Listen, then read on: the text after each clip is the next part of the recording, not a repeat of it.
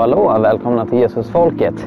För en dryg månad sedan så eh, hade God Jord sin eh, sammankomst i Göteborg. God Jord är en kristen miljö och rättviseorganisation eh, som jag och Sara är med i.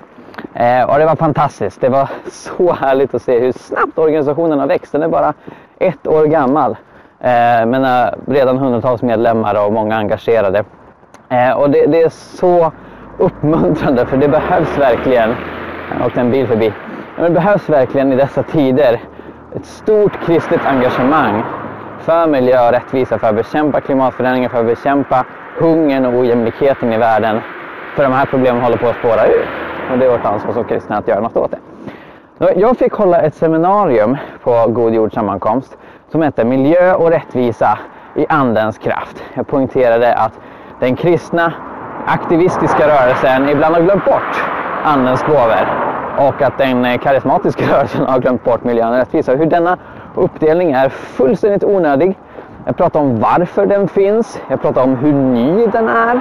Att det inte är en uppdelning som har funnits särskilt länge historiskt. Och jag poängterade de bibliska exemplen på när Andens gåvor faktiskt används för att utbreda miljö och rättvisa. Och jag gav även exempel från idag. När människor som jag känner har gått i den helige Andes kraft och miraklerna i sig själva har gjort världen bättre. Mycket spännande. Jag hoppas att ni njuter av denna föreläsning så är vi tillbaka nästa vecka. Håll till godo.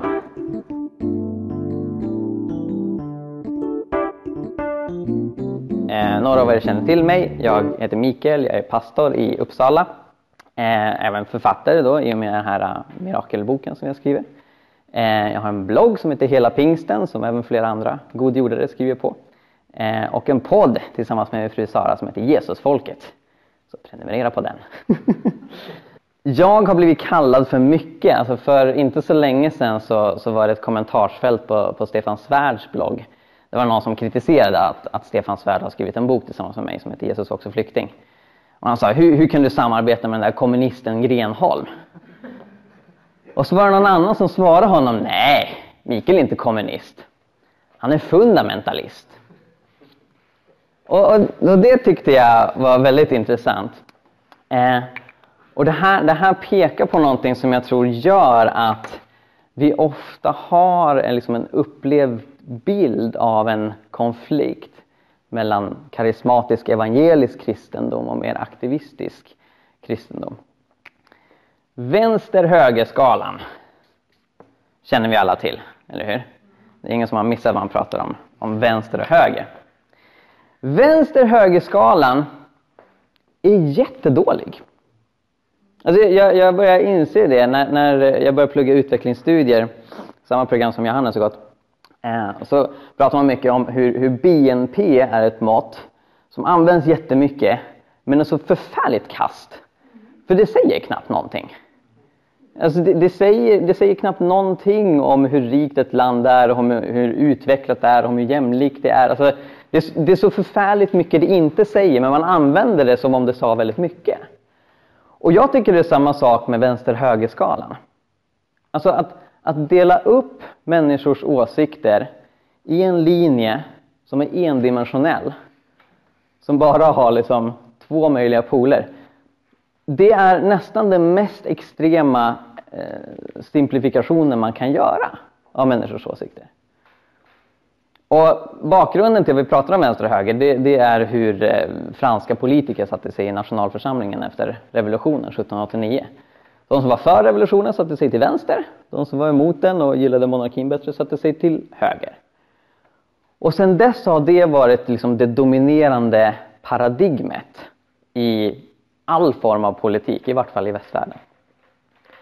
Vad är det som är liksom grundidén i det som är vänster? Jo, det är förändring. Och det gör att eh, det liberala partiet i Danmark heter Venstre. Eh, så deras bakgrund är att de var inte konservativa, man så gjorde en skillnad mellan konservativ och liberalt. Sen kom socialismen som var ännu mer vänster. Men idén i både liberalismen och socialismen från början var att vi ska förändra det som är och konservatismen sa att vi ska bevara det som är. Det är högerns centrala idé, bevarande. Och det är ju väldigt relativt, för sen om man utvecklar en liberal demokrati, om man ska då bevara den, då blir man ju höger. Och det är det som händer i Sverige. Där liberala partier placerar sig till höger. Och grejen är, om vi åker tillbaka en tidsmaskin till de tidiga kristna och frågar, är du för förändring eller för att bevara? Vad skulle de svara då, tror ni? Både och! Ja, men givetvis. Jag vill förändra det som är dåligt, jag vill bevara det som är bra. Och det är den rimliga inställningen, tycker jag. Eh, så det är därför det blir sån extrem förenkling av verkligheten. Man kan ha tusentals åsikter om hur samhället ska se ut, om hur världen ska se ut. Och att gruppera dessa tusentals åsikter i ett av två fack blir väldigt konstigt. Och det blir också väldigt konstigt att bli förvånad över någon som har 800 åsikter i högerfacket och 200 åsikter i vänsterfacket. Och det drabbas jag av hela tiden. Att, att, att liksom så här, mina åsikter är utspridda över hela ytan. Jag ser det som att jag har åsikter på en tredimensionell karta och så man försöker liksom få ner det till en endimensionell linje. Då, då blir det helt obegripligt. Därför att jag, jag kan inte reduceras till det. Men det gör folk förvirrade. Och, och, det som förvirrar oss ännu mer tror jag, det är att man ganska snabbt i historien började prata med den här terminologin inom kyrkan, inom teologin. Så att kristna teologer som ville eh, anpassa teologin och liksom anpassa sitt budskap utifrån upplysningens idéer kallade sig för liberalteologer i Tyskland. Och då de som inte gillade den utvecklingen kontrade med att de var konservativa kristna. Och när man tänker efter, det är jättemärkligt att kristna tänkare använder språkbruk hämtat från politiken och använder det som en av de mest främsta identitetsmarkörerna. Innan det här hände så går det knappt att se i kyrkohistorien att det skulle vara någon som helst konflikt mellan aktivism och karismatik. Utan när man tittar historiskt i kyrkan så ser man att det har funnits flera rörelser som kallas för restaro, nej, res, restaurationistiska. Nu får ni lära er ett fint ord. Eh, tänk på restaurering, liksom att eh, återuppbygga. Så restaurationistiska rörelser, de har både och. Alltså, det här är rörelser som anabaptisterna, valdensarna, eh, rörelser som både eh, praktiserar egendomsgemenskap, som praktiserar icke-våld, som lever enkelt och som ber för sjuka och har ett karismatiskt liv, talar i tungor och så vidare. Och det stod i kontrast till statskyrkorna. Så den grundläggande skillnaden här är att de restaurationistiska rörelserna, de ville återuppväcka Nya Testamentets församling. de ville gå tillbaka till rötterna. Medan statskyrkorna hade en mer evolutionär teologi. De tänkte att den tidiga kyrkan som vi läser om i Bibeln, det var en bebiskyrka. Så den hade outvecklade tankar och sen vid 300-talet när Konstantin kom och rättade till alltihopa, då blev kyrkan mer mogen. Eh, och då kan man inlämna också lite grekisk filosofi och få lite mer sofistikerade tankar. Det är den grundläggande skillnaden och de här statskyrkorna förkastade väldigt ofta både aktivismen och karismatiken. Så det som kännetecknar... Yes, fråga? Mm.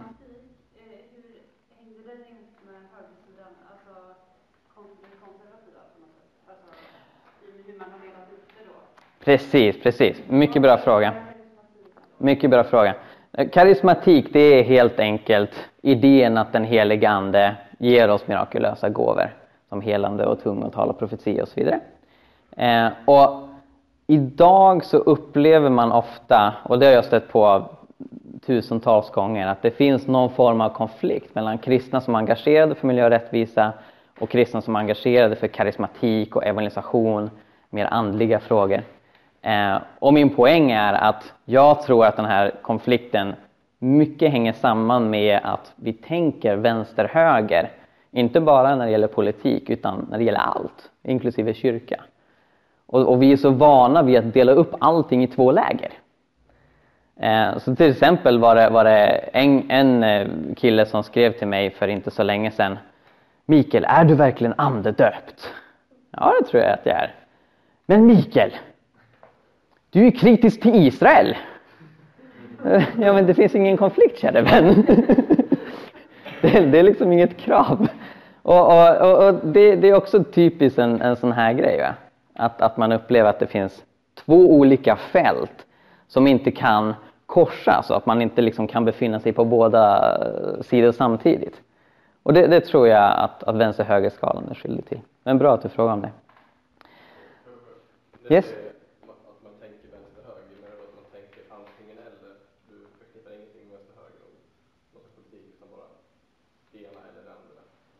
Bra, bra fråga. Alltså det, det, ja, men, nej, men exakt. Alltså, alltså, um, själva grundtanken i vänster-högerskalan är mycket antingen eller. Är du vänster eller höger?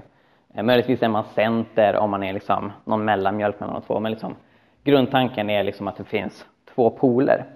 Eh, och anledningen till att jag har placerat aktivism här på vänstersidan och karismatik på högersidan det är att många upplever att det, det är där de hör hemma. Men det behöver ju inte alls vara så. Ja, grundproblemet är att vi använder samma ord för både politik och teologi. Så man pratar om konservativa kristna, man pratar om högerkristna i USA. Och, och, de, och de som står emot det är, är vänsterkristna. Eh, och då kan man till exempel läsa om ja, men en typisk högerkristen står och, och talar i tungor och ber för sjuka och förnekar att klimatförändringarna finns.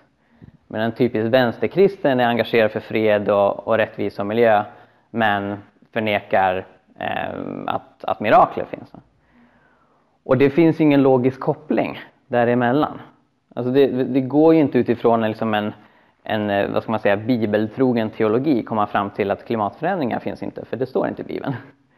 Utan anledningen till att det kopplas samman det är att man använder samma begrepp, konservativ, för både teologin och politiken. Och det är ett problem som vi behöver urskilja.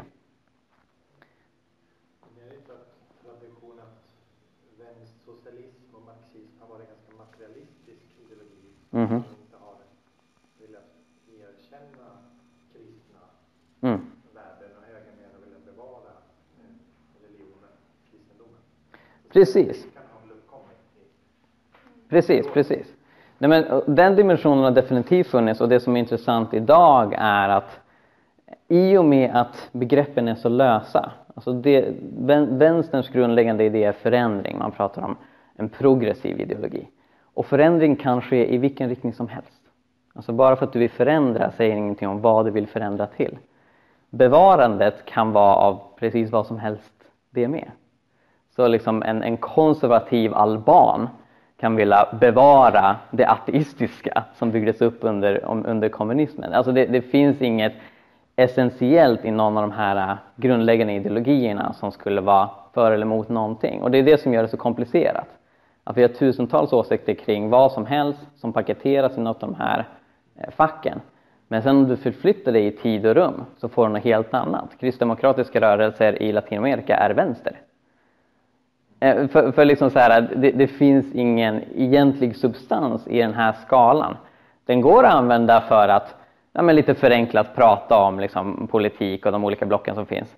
Men det gäller att vara medveten om att det här är en av de mest extrema förenklingar man kan göra för att förstå omvärlden. Och den kan definitivt inte omfatta vad evangeliet försöker säga oss. Då blir det snarare ett hinder än en möjlighet. Ehm, jag tänkte illustrera lite kort liksom hur, hur det här har sett ut eh, genom historien. Man talar om tre stycken Franciscus. Den första är eh, originalet Franciscus av Assisi levde på 1200-talet i Italien. Eh, jag och eh, Sara var på bröllopsresa eh, nu i somras och eh, besökte Assisi. Fantastiskt vackert. Det är som Minas Tirith som ni har sett Sagan om ringen. Eh, byggd uppe på en bergssluttning. Eh, jättehäftigt. Ja, men verkligen, verkligen. Um, och Franciscus är häftig därför att han hade verkligen den här um, föreningen av uh, karismatisk aktivism. Uh, så han betonade att hjälpa de fattiga, han levde i egendomsgemenskap tillsammans med sina bröder och systrar. Uh, han betonade miljön, han predikade för fåglarna, han undervisade om vikten av att välsigna naturen. Och han var otroligt eh, karismatisk. Så det tillskrivs många mirakelberättelser till honom. Ett av de mest kända är ju eh, miraklet med stigmata. Att han plötsligt liksom efter en syn hade sår i händer och fötter och i sidan som var kvar tills hans död.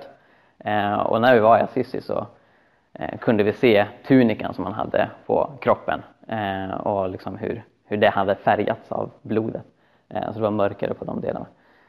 Så väldigt fascinerande figur som inte såg någon som helst konflikt mellan mirakulösa gåvor och, och sitt engagemang för en bättre värld. Den andra Franciscus jag tänker på är påven. Eh, som jag märker har förvirrat många. Det var så här, eh, när han blev vald sa man åh nu kommer en progressiv påve, nu, nu ska han förändra och det vill han ju också. Nu är han kritisk till liksom, Eh, korrupta system i, i katolska kyrkan och vill skaka liv i den. Och han skrev en encyklika om miljö, om klimatförändringarna. Men så upptäcker man, men han är ju konservativ också! Och, och man har märkt så här hur, hur tidningar blir så förvirrade av Franciscus. Hur, hur, kan han, hur kan han både vilja kämpa mot klimatförändringar och vara mot abort? Alltså så här, det går inte ihop när man har delat upp världen så här. Eh, och, och, och, det är ofta exempel. Och sen säger jag inte att Franciscus åsikter är, är bra på alla sätt, för det, det, finns mycket att diskutera där. Men jag tycker att det är ett tydligt exempel på eh, ett sätt att tänka som har funnits i kyrkans historia sedan början, som inte köper den här uppdelningen. Och den tredje Franciscus jag tänkte prata om, det är jag själv. Jag heter Frans. Jag hade namnsdag i förrgår. Eh, det är mitt andra namn alltså. Eh, och jag blev kristen när jag var 15. Det var en ganska dramatisk eh, omvändelseupplevelse som jag hade. Eh, och, och, efter det så, så, började jag läsa Bibeln. Jag bara drack Johannes evangeliet, det säger om evigt liv, för jag förstod att det här är det bästa budskapet som finns. Och jag fascinerades av att i Bibeln finna saker som jag kände igen från eh, det kyrkoliv som jag hade besökt med mina föräldrar sedan jag var liten grabb. Eh, för jag hade liksom sett kyrkan som det absolut tråkigaste som fanns. Jag hade inte brytt mig om vad som hände där. Men plötsligt så fanns det en relevans i alla ritualer och det man säger och så vidare som jag tyckte var väldigt häftigt. Men det var en sak som jag saknade och som jag blev förvånad över när jag läste Bibeln. Och det var Andens gåvor. Alltså när jag såg i Bibeln att Petrus gick på vattnet då sprängdes min världsbild. Därför att jag hade sett Jesus som Stålmannen. Som var en superhjälte som kunde göra alla de här miraklerna. Och kyrkan var ett museum som mindes hur cool han var som gjorde det för 2000 år sedan. Men att han uppmanar sina lärjungar att bota sjuka och driva ut demoner.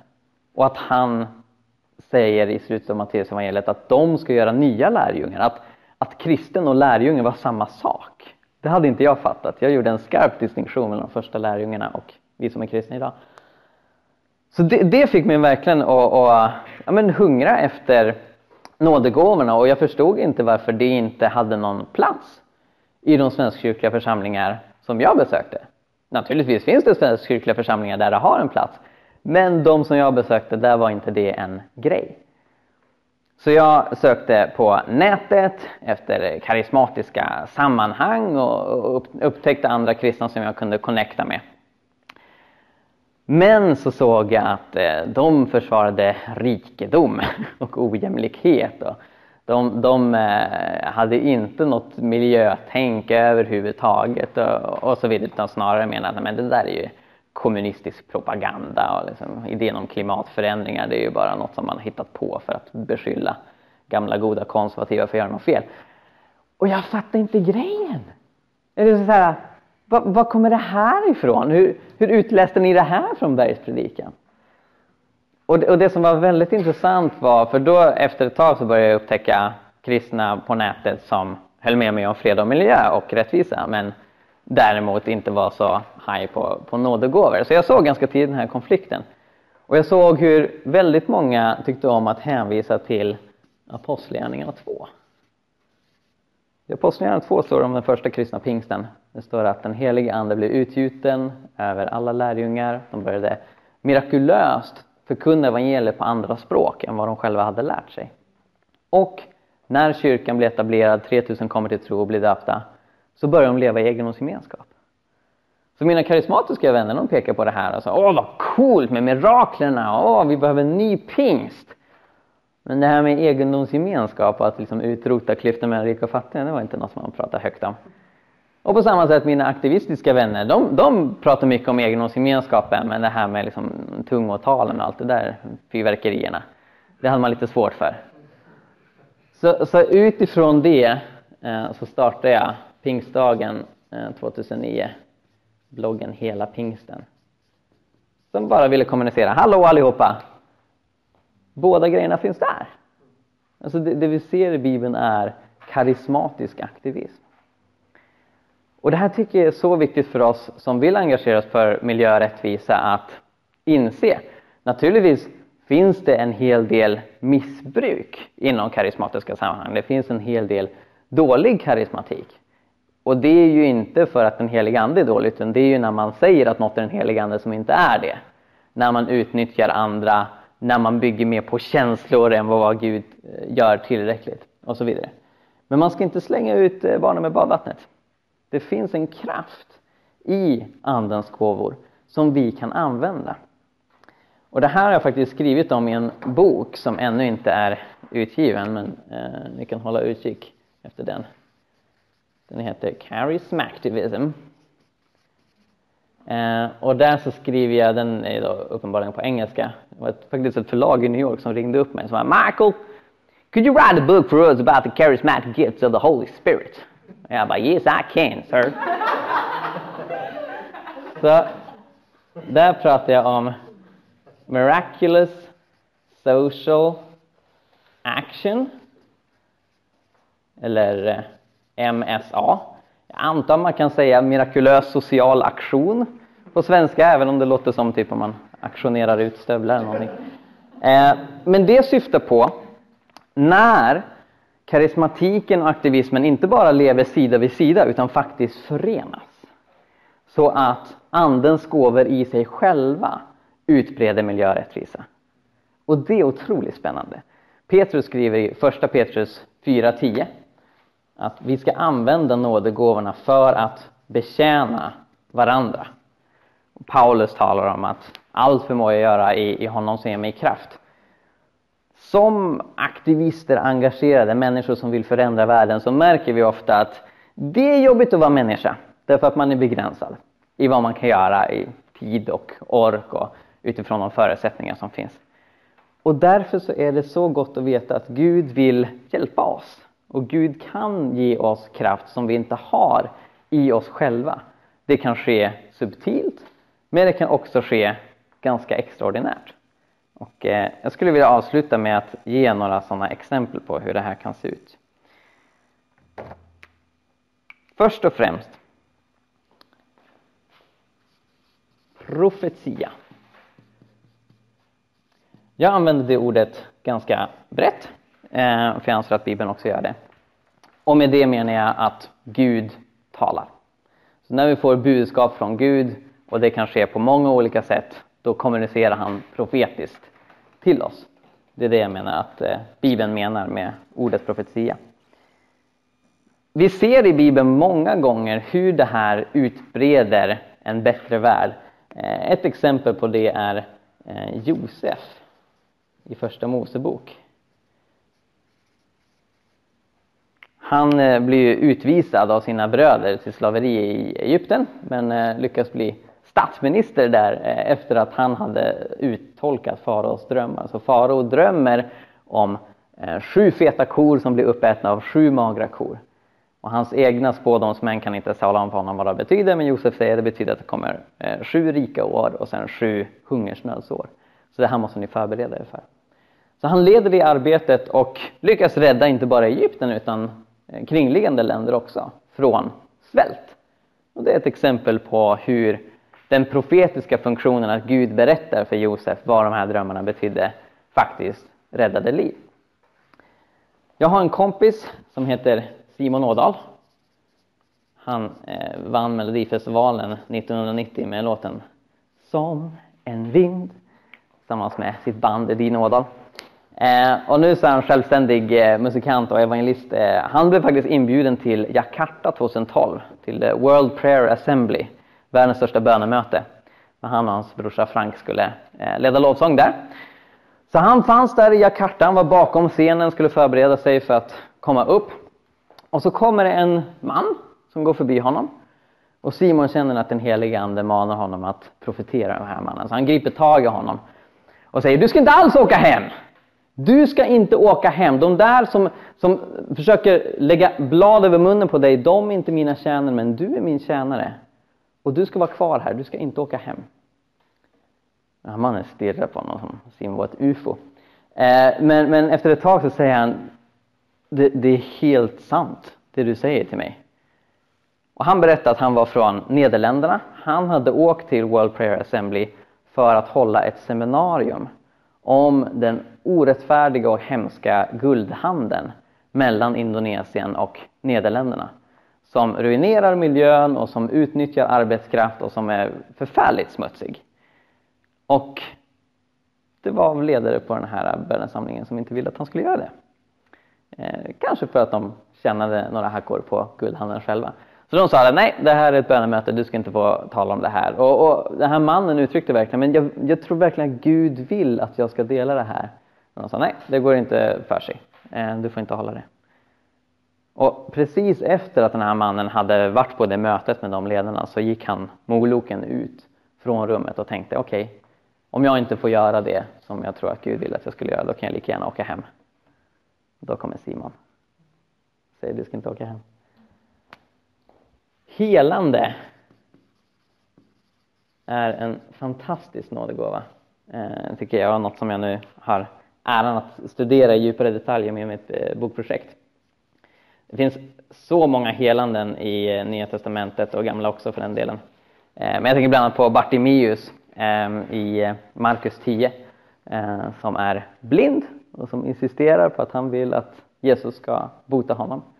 Och när han blir helad från det så är det inte bara ett liv i mörker som han befrias från utan liv i fattigdom för han var tiggare. Likt många andra funktionsnedsatta i antiken. Jag har en vän som heter Andreas Kuka. Han är missionär för Gå ut mission. Eh, och han upplevde något liknande. Han har åkt en hel del till Guinea i Västafrika och eh, håller kampanjmission. Eh, så då så en gång så var han där och, och ropade ut liksom, blinda ser, döva hör, lama gå i Jesu namn och välsignade de som var där. Och en man ropar ut, jag kan se, jag kan se! Så Andreas sa, ja kom upp på plattformen och, och dela ditt vittnesbörd. Och mannen han är så glad, han dansar fram, liksom, kommer upp och, och utropar, jag kan se! Och Andreas tittar på honom och sa, är du säker på det? För den här mannens ögon var helt igengrumlade. Eh, så det gick knappt att se hans pupiller. Men mannen insisterade, jo, jo, jag, jag kan se. Och medan de pratade på plattformen så hävdar Andreas, och det har han sagt till mig, att den här mannens ögon förvandlades medan Andreas såg på. Så att allt det grumliga försvann och han hade klara ögon som han kunde se med. Eh, och Andreas bad honom eh, nypa honom i näsan medan han liksom rörde huvudet omkring för att konstatera att han eh, eh kunde se klart och urskilja kontraster. Så det är också ett modernt exempel på hur människor i fattiga förhållanden får en bättre livssituation utifrån att Gud griper in. Matunder är ett annat tydligt exempel på hur Gud griper in eh, för att förbättra människors situation och vi har förstås Flera exempel på det i Bibeln, inte minst Matteus 14 när Jesus eh, ger mat till tusentals människor utifrån fem bröd och två fiskar. Eh, och eh, en person som hävdar sig ha sett detta är missionären Heidi Baker. Hon har inspirerat mig mycket när det gäller karismatisk eh, aktivism. Eh, hon eh, kallas ibland för Afrikas moder Teresa, leder en organisation som heter Iris Global i, i Mosambik. Och hon skriver i, i sin bok Driven av kärlek att när de hade kommit till Mosambik, hon och hennes man, så efter några år så hade de startat ett arbete som omfattade 80 barn som de tog hand om, många som de räddade från soptippar i, i Maputo. Eh, som hade förlorat sina föräldrar och ingen tog hand om dem och de hade liksom ingen framtid, gick inte i skolan. Eh, så de tog in dem till sitt center och gav dem det de behövde och undervisade dem. Men om det var 97, 98 eller något sånt där så bestämde sig eh, Mosambiks kommunistiska regering för att eh, det här är inte tillåtet för ni är religiösa. Eh, så hela verksamheten förbjöds över en natt. De hade 24 timmar på sig att tömma sitt center. Vilket de gjorde och det var otroligt stressigt. Så. Så ingen hann äta på ett dygn utan alla bara såg till att de flyttade ut alla grejer för att eh, hela centret skulle stängas ner och säljas. Eh, de tog in eh, både material och 80 barn i sin lägenhet eh, i centrala Maputo. Eh, och amerikanska ambassaden hörde, hörde talas om det här så en kvinna därifrån som heter Nelda Lawrence som kände Heidi, hon kom dit eh, och hon sa jag har med lite mat till dig och din familj. Så då hade hon lite ris eh, som ja, räckte till eh, fyra, kanske åtta personer. Eh, och Heidi sa, jag har en stor familj. Jag öppnade dörren och där inne var 80 barn. Nelda sa, oj, oj, oj, okej, ja, ja, nu får vi nog tänka om här. Och Heidi sa, Nelda, välsigna den här maten.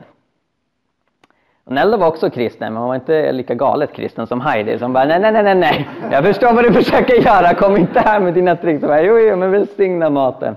Så delade vi ut den, så Nelda lite motvillig, ah, okej, okay, Gud välsigna maten, amen.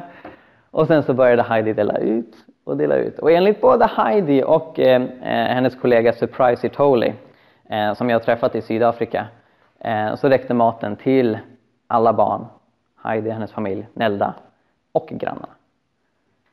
Och det, det går ju liksom inte ihop med eh, naturalismen. Men det insisterar hon på hände och det ligger i enlighet med, med Guds hjärta. Eh, avslutningsvis, naturunder är rätt dramatiska. Eh, där har vi också många exempel på i Bibeln, till exempel eh, stormen som stillas. Hur Gud griper in i naturen. Eh, och det, det är en väldigt häftig mötesplats för det mirakulösa och miljön. Eh, Mikael som jag nämnde inledningsvis, eh, han är en så lustig kille. Jag lärde känna honom första gången på Stadsmissionen i Uppsala. Han satt där med sitt buskiga skägg och, och berättade för någon annan om, om eh, eh Shane Claiborne ja, den oemotståndliga revolutionen. Du måste läsa Shane Claiborne, han är så fantastisk, så radikalt. Eh, och, och sådär. Och jag överhörde det här samtalet. Det här var första gången jag stötte på Mikael, så jag kände honom inte. Och jag vet inte exakt hur, men Mikael ledde liksom vidare det här samtalet till att berätta om sin Etiopienresa. Eh, när han såg blinda se och döva höra och lama gå. Och liksom insisterade, jag såg blinda se. Och det är ganska starkt när han säger det. Därför att han själv är blind. Han blev det i slutet på, på 90-talet. Bara sådär. Eh, och eh, eh det, det, det, var verkligen så här, wow, den här killen måste jag prata med. Shane Claiborne och tecken under Etiopien i samma mening, det, det gillar jag. Eh, så jag har, har eh, förhört honom lite mer om hans Etiopienresa och han sa det att, att eh, eh han, han var där återigen Eh, på fältstudier eh, utifrån plugget på universitetet. En minut. En minut? Ja. Jag sa ju det. Ja, det var bra. Eh, nej men så, så, så, han, han stötte på en ungdomsledare från Mekane-Jesuskyrkan eh, som är världens största lutherska kyrka, startade av EFS missionärer från Sverige. Eh, och det, det, var ganska roligt så här, för de, de typ så här, eh, de var i någon slags eh, restaurang och så här, och åt. Och Mikael bara, ursäkta jag upplever att Gud vill att jag ska be för dig. Och så ber han för den här mannen, han vet inte vem det är och han faller ner på marken och bara, ah Gud. Och så bara, ah, tack så mycket, jag är ungdomsledare för Mekanesuskyrkan, jag vill att du predikar på vår ungdomskonferens. Ja men det går så bra. Eh, så då så eh, drar han dit och de samlades i en, stor hall med plåttak. Och det var, det var gassande sol den dagen så de tyckte alla att det var skönt att, komma in inomhus och få lite skugga. Eh, och Mikael står där och predikar och han predikar om vikten av församlingen, vikten av att vara trogen sin församling och inte liksom försöka vara kristen på egen hand. Och så i slutet på den här predikan så känner jag, ja, för att ni ska veta att det här var Guds budskap och inte bara mitt, så kommer Herren låta det regna! Och det kunde man sagt liksom lycka till, för det hade varit en, en gassande dag med inte ett moln på, på himlen. Men enligt Mikael så började det liksom blup, blup, blup, och så liksom smattrade det på plåttaket och folk gick ut och liksom såg hur det regnade överallt. Det var lite kul så här, för sen eh, efter det så kom Mikael tillbaka till, till sina studiekamrater i, i, på hotellet och sov. Ja, hörde du den här galningen? Det var någon som lekte Reinhard Bonke och liksom predikade så det hördes över hela stan. Det var, jaha, jaha. um, nej men så, så, det här är några exempel och, och, vi ser det här som sagt i Bibeln om och om igen. I, i Charism Activism så tror jag hundratals exempel eh, från Bibeln på, på när det här sker. Och det här är verkligen resurs som vi har att tillgå. Och det kan vara ovant för flera av oss. Eh, kanske till och med lite skrämmande och lite mystiskt. Men det finns eh, något vackert, en kraft här. Och jag tror det här är en, en nyckel i, i det som Gaspeth pratade om. Liksom att, att råda bot på de andliga eh, problemen som liksom ligger till grund eh, för det vi ser omkring oss. Att i det, när vi tar hjälp av Gud själv, när vi ger honom frihet att använda oss på oväntade sätt, då kan bokstavligt talat allt hända. Har vi någon fråga eller förtydligande? Ni kan fånga mig, säga på lunchrasten också. Vi kan avsluta med en bön, tänker jag. Ja, tack Gud för att du är så otroligt god. Tack Herre att eh, din kraft förmår göra genom oss mer än det vi kan be om eller tänka. Tack Herre att den kraften finns i oss. Och tack att det är du Gud som står för det mirakulösa. Jag ber Herre Jesus att du, jag att du, du hjälper oss upptäcka vad du kan göra, vad du vill göra. Att du använder oss var och en, de olika gåvor som vi har fått, de olika passioner som vi har. Att du får hjälpa oss sprida miljö och rättvisa, sprida ditt rike i din kraft. Jag ber Herre Jesus att, eh, att du tvättar bort upplevda motsättningar som vi ibland får för oss och att, att vi får liksom förena allting som finns i ditt rike helt enligt din vilja. kom heligande, välsigna oss, välsigna den här dagen, välsigna den goda jorden. Amen. Tack så mycket hörni.